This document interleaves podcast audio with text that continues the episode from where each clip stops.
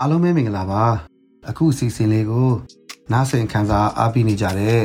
မိဘညီကောင်မတို့အားလုံးအတွက်2023ခုနှစ်ရဲ့ကောင်းကြီးမင်္ဂလာအဖျားဖျားခံစားသက်ရောက်နိုင်ကြပါစေလို့မေတ္တာပို့ဆုတောင်းနေနှုတ်ဆက်ပါတယ်ဒီစီစဉ်မှာအခုနှစ်အတွက်ဒါပထမအဦးဆုံးချိန်ပါဝင်ပြောခွင့်ရတဲ့အတွက်ကြောင့်အားလုံးအတွက် Happy New Year ပါလို့လည်းနှုတ်ဆက်ချင်ပါတယ်ဗျာနော်ဒီနေ့အစီအစဉ်မှာတော့ကျွန်တော်ဘဝဖြတ်သန်းမှုတွေကအတွေ့အကြုံတစ်ခုနဲ့ကျွန်တော်ရဲ့ ခင်မင်ရတဲ့မိတ်ဆွေတငယ်ချင်း၃ယောက်ရဲ့အကြောင်းစုစုပေါင်း၄ယောက်ရဲ့အကြောင်းကိုအခြေပြုပြီးတော့မှချုပ်ချယ်ခဲ့တာချစ်လို့လားဆိုတဲ့ခေါင်းစဉ်လေးနဲ့မျှဝေပေးခြင်းပါတယ်။ဒါကြောင့်အစီအစဉ်အဆုံးထိလိုက်ပါခံစားနားဆင်ပေးကြဖို့ဖိတ်ခေါ်ပါရစေဗျ။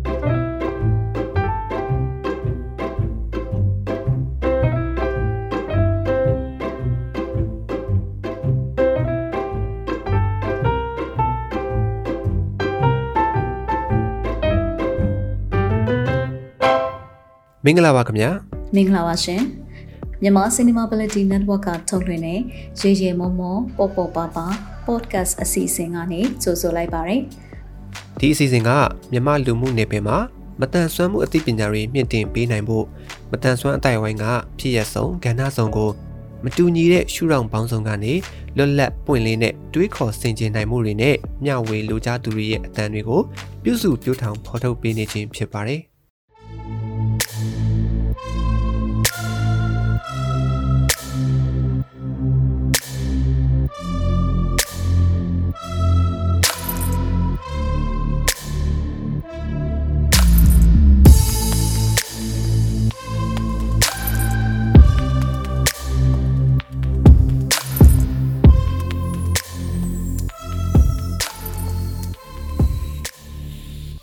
ထမအဦးဆုံးတစ်ယောက်ကိုပြောပြချင်ပါတယ်။သူကတော့ကျွန်တော်တို့လုပ်ဖို့ဆံပတ်ပါဗျာနော်။ပြောရမယ်ဆိုလို့ရှိရင်ဒါလူကုန်းတန်းအတိုင်းဝိုင်းမှာမွေးဖွားကြီးပြင်းလာတဲ့လူတစ်ယောက်လို့ပြောလို့ရတာပေါ့နော်။သားဝင်နေအတွက်လည်းပြည်စုံတယ်။မိဘတွေကလည်းပညာတတ်ကြတယ်။ပြောရင်တော့အရာရှိအရာခံတွေပေါ့နော်။အဲ့ဒီထဲမှာလူလာဖြစ်ရတာပေါ့။ဒါပေမဲ့ဆိုးတာကမတန်ဆွမ်းမှုတစ်ခုပိုင်ဆိုင်တဲ့အတွက်ကြောင့်ဆိုးတယ်လို့ပြောလို့ရတာပေါ့နော်။ဒါပေမဲ့ကောင်းနေတာက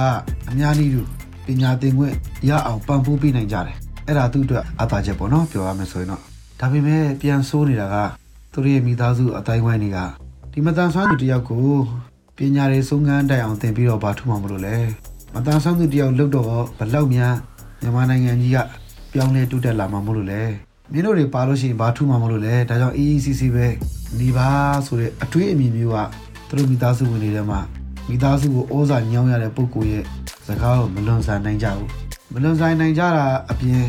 တချို့သောမိသားစုဝင်တချို့ကလည်းအဲ့တိုင်းပဲယုံကြည်ကြတယ်။ဒါကြောင့်ကျွန်တော်တကယ်ချင်းမိတ်ဆွေကတော့သူကပညာကိုသုံးခန်းတိုင်အောင်သင်ယူခွင့်ရရှိနေတော့လည်းပဲအဲ့ဒီအခွင့်အရေးသူဆုံးရှုံးသွားတယ်။အခုဆိုရင်ကျွန်တော်တို့နဲ့ရွယ်သူဆိုတော့ဗျာလူကြီးတွေဖြစ်ပြီပေါ့ဗျာနော်။အဲ့တော့သူတို့ကိုစိတ်ပူခဲ့တယ်သူတို့တားမြစ်ခဲ့တယ်ချုပ်ချယ်ခဲ့တဲ့သူတွေကလည်းဖားရိတ်လူလောကကြီးမှာရှိနေသေးလားမရှိဘူးလားတော့မပြောတတ်ဘူးဗျာနော်။ဒါပေမဲ့သိကြတယ်မရှိတော့သည်ဖြစ်စေရှိတော့သည်ဖြစ်စေ ဘဝအခြေအနေကဒီထက်မြင်မာတွတ်တက်ပြီးတော့မှမတန်ဆန်းသူဖြစ်နေပြီမဲ့သူလှုပ်ချင်တာကိုအပြည့်အဝလှုပ်ပိုင်ခွင့်ရနိုင်ရင်ဒါနဲ့မလှုပ်ရတဲ့အခြေအနေရောက်လာတယ်အဲ့တော့သူ့ဘဝကိုပုံဖော်ပေးလိုက်တာပေါ့နော်သူ့ဘဝကိုပုံဖော်ပေးလိုက်ရတာကျွန်တော်မိတ်ဆွေတကယ်ချင်းကအဲ့ဒီလိုမိသားစုဆွေမျိုးအားလုံးရဲ့ပုံဖော်ခြင်းချုပ်ချယ်ခြင်းကိုခံခဲ့ရတယ်ဒါကသူ့အကြောင်းလေးတွေကအကြောင်းလေးတချို့တစ်ဝက်ကိုပဲကျွန်တော်ပြောပြခဲ့တာပါနော်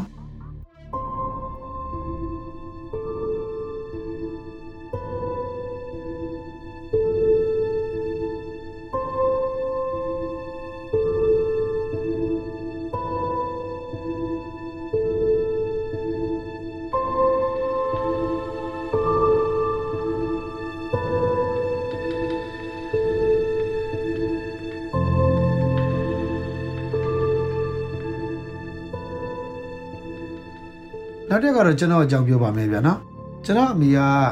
2000ခုနှစ်ကျွန်တော်ဂျပန်နိုင်ငံမှာသွားရောက်ပြီးတော့မှပညာတော်သင်သွားခွင့်ရခဲ့တယ်အဲ့ဒီနောက်ပိုင်းကစပြီးတော့ကျွန်တော်နဲ့ပတ်သက်ပြီးတော့သူကစိုးရိမ်စိတ်တွေတဖြည်းဖြည်းညော့လာတော့ဘာပဲလုပ်လို့သူက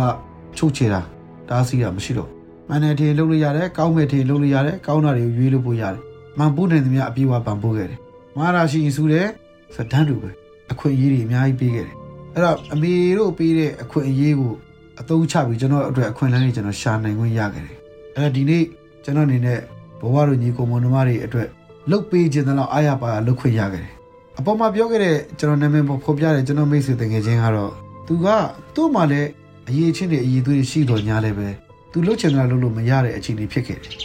လူချင်းတူတူဗျာအခြေအနေချင်းတူတူဗျာအဲ့ဒီအခွင့်အရေးဆုံးရှုံးခဲ့တယ်တခါတလေပြန်စဉ်းစားကြည့်တယ်ချစ်လို့ချုပ်ချယ်တာလားချစ်လို့တစ်ခုခုဖြစ်မှာဆိုလို့ စိုးရိမ်လို့ချုပ်ချယ်တာလားအဖြစ်မှန်တော့မတွေ့ခဲ့ပါဘူးဗျာနော်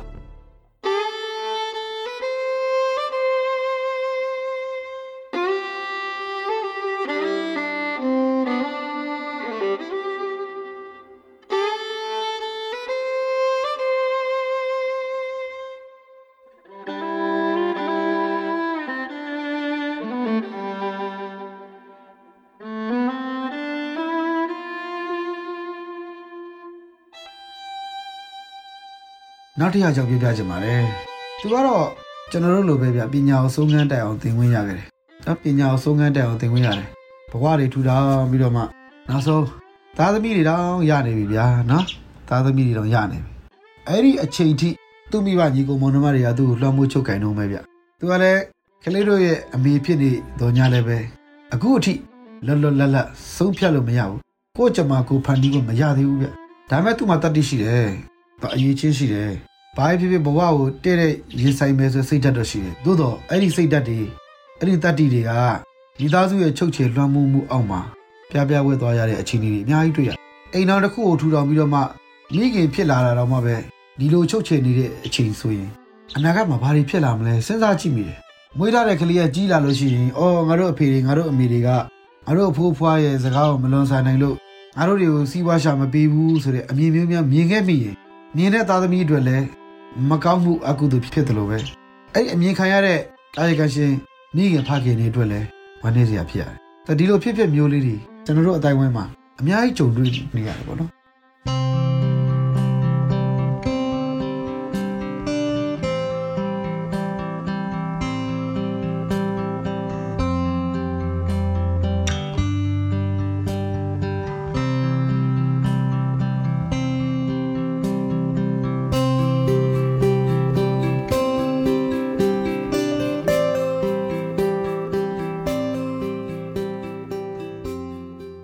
တွေကသားသမီးတွေဘယ်လောက်ပဲကြီးလာကြီးလာ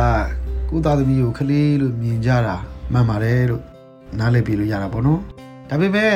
သားသမီးဖြစ်တော့မှမိဘရဲ့ရင်ဝင်မှာချွဲလို့ရတယ်လို့ပဲကိုကမိဘပြန်ဖြစ်လာတဲ့ခါမှာကိုယ့်ရဲ့သားသမီးတွေကိုတာဝန်ကြည်ခွင့်ကိုယ့်မိလေးတွေအတွက်ကိုယ့်သားသမီးကိုအဖေအမေနေရာမှာတာဝန်ကြည်ခွင့်ပေးရမယ်လို့ထင်တယ်ဗျာအဲ့ဒါကိုချစ်လို့တိုးရိမ်လို့ချုပ်ချယ်တာချစ်လို့ချုပ်ချယ်တာလားယင်ကျွန်တော်တစ်ခါတစ်ခါစဉ်းစားလို့မရဘူးပေါ့ဗျာ ချစ်တယ်ဆိုလို့ရှိရင်ရောအဲ့ဒါတကယ်ပဲချစ်ရရောက်သလားဆိုတာဒီနေ့နားထောင်အားပေးနေကြတဲ့သောတာရှင်ညီကိုမောင်နှမတွေအားလုံးနားဆင်ခံစားပြီးတော့ကိုယ်ပိုင်ဆုံးဖြတ်ချက်နဲ့ဝေဖန်သုံးသပ်ကြည့်ကြပါနော်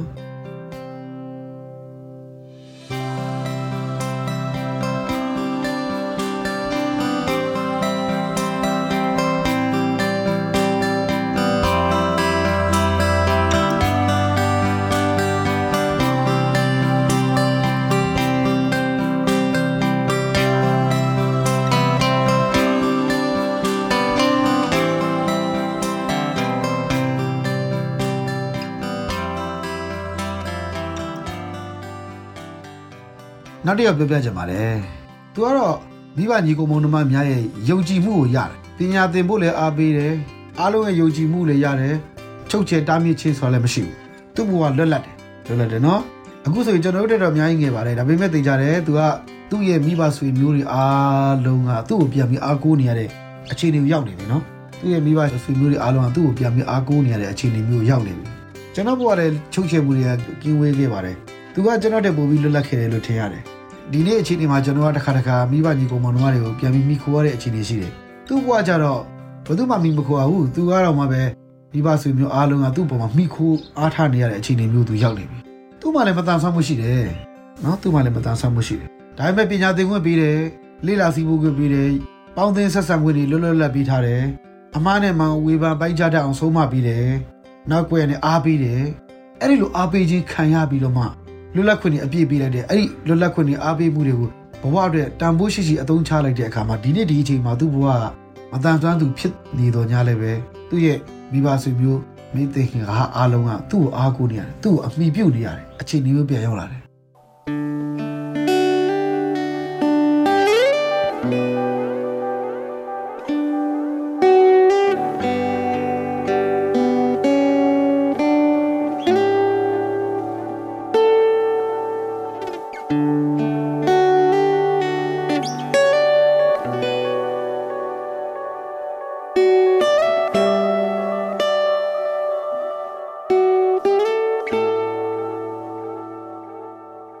န်တရားတွေနော်ကျွန်တော်ကပြောပြခဲ့တဲ့လူ၃ယောက်ကကျွန်တော်နာမည်တွေနဲ့တိတိကျကျဖော်ပြလို့မကောင်းလို့မဖော်ပြတာအဲ့ဒီဖြစ်စဉ်တွေကတကယ်အမှန်တရားတွေပဲ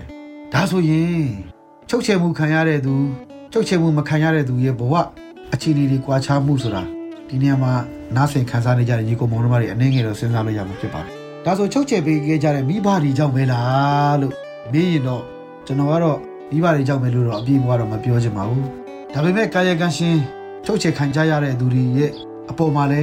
မူတည်တယ်လို့တော့နားလဲရပါတယ်ဘလောက်မူတည်တယ်လဲဆိုတော့နားဆင်ခံစားနေကြတဲ့ညီကိုမောင်နှမတွေကိုဘဝရဲ့အခြေအနေနဲ့ကိုနှိုင်းစာပြီးတော့မှစဉ်းစားကြည့်ဖို့လိုပါတယ်ဒါမဲ့သိကြတယ်လူဘဝဆိုတာမတန်ဆန်းသူဖြစ်စေတန်ဆန်းသူဖြစ်စေဘယ်ဘဝကိုပဲရလာရလာကိုယ့်ဘဝကိုကိုယ့်ကြမ္မာကိုကိုယ်တိုင်ဆုံးဖြတ်ပြီးမှဘဝကိုရက်တည်ခြင်းကြတဲ့သူတွေအားလုံးကြီးပဲဒါပေမဲ့လူတွေကတချို့က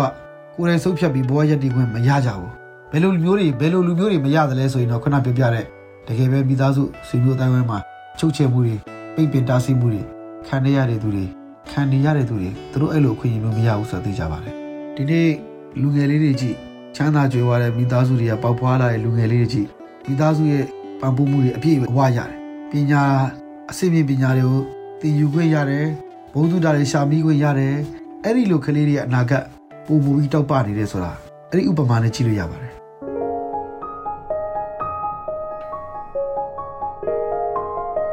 ဒီ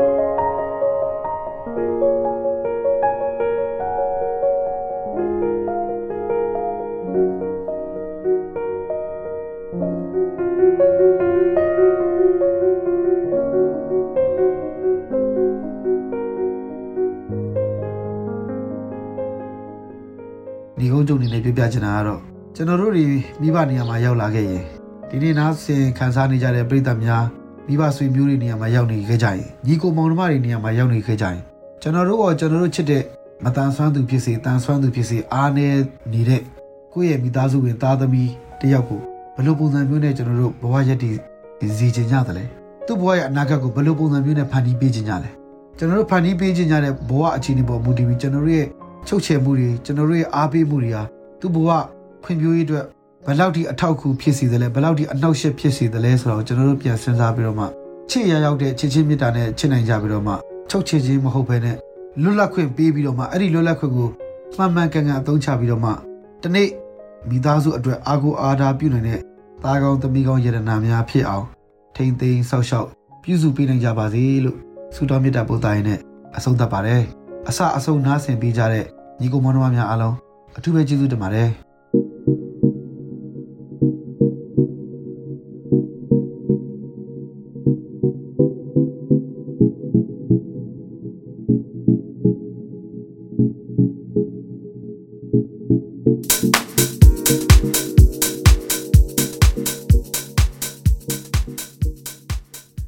စီအစဉ်ကိုမိတ်ဆွေတို့အနေနဲ့အစအဆုံးနားထောင်ပြီးပြီဆိုရင်တော့မိမိတို့ရဲ့သဘောထားမှတ်ချက်များကို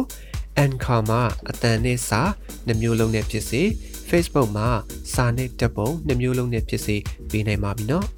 ဒီအစီအစဉ်နဲ့ပတ်သက်ပြီးမိတ်ဆွေတို့ရဲ့မှတ်ချက်ပေးခြင်းအကြံဉာဏ်ပေးခြင်းမေးမြန်းခြင်းတို့ကိုလည်းအထူးပဲဖိတ်ခေါ်ပါရစေမိမိတို့ရဲ့ပူပေါင်းတင်ဆက်မှုအတွက်ဒါမှမဟုတ်စုံစမ်းမေးမြန်းမှုအတွက်စိတ်ဝင်စားတဲ့ဆိုရင်တော့ မြန်မာ cinemaability@gmail.com ဒါမှမဟုတ်တင်ဆက်သူများရဲ့ Viber နံပါတ်များဖြစ်တဲ့ကိုပြည့်39 26 125 6493နဲ့မနွေ39 453939 6935တို့ကိုဆက်သွယ်ဆောင်ရွက်နိုင်ပါတယ်။ မိတ်ဆွေတို့အနေနဲ့ဒီအစီအစဉ်ကိုမသိသေးသူများသိဖို့လိုအပ်နေသူများမတန်ဆွမ်းရေးကိုမိမိတို့ရဲ့လုပ်ငန်းခွင်အသီးသီးမှာထည့်သွင်းဆောင်ရွက်ဖို့စိတ်ဝင်စားသူညီသူကိုမဆိုထပ်ဆင့်ဝေမျှပေးရင်သတင်းကောင်းပေးနိုင်ပါတယ်မြန်မာပြည်သူပြည်သားများအားလုံးမတန်ဆွမ်းမှုအသိပညာတွေတိုးပွားကခွဲခြားဆက်ဆံမှုကင်းပြီးအားလုံးအကျုံးဝင်တဲ့လူမှုအတိုင်းအဝန်တစ်ခုကိုအမြန်ဆုံးဖော်ဆောင်နိုင်ပါစေလို့ဆန္ဒပြုရင်းဒီကနေ့အစီအစဉ်ကိုဒီမှာရင်ရန်နာပါရစေ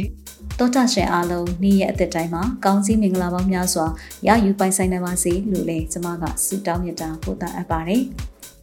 နောက်ပတ်စနေနေ့ည9:00နာရီမှာပြန်ဆောင်ကြရအောင်နော်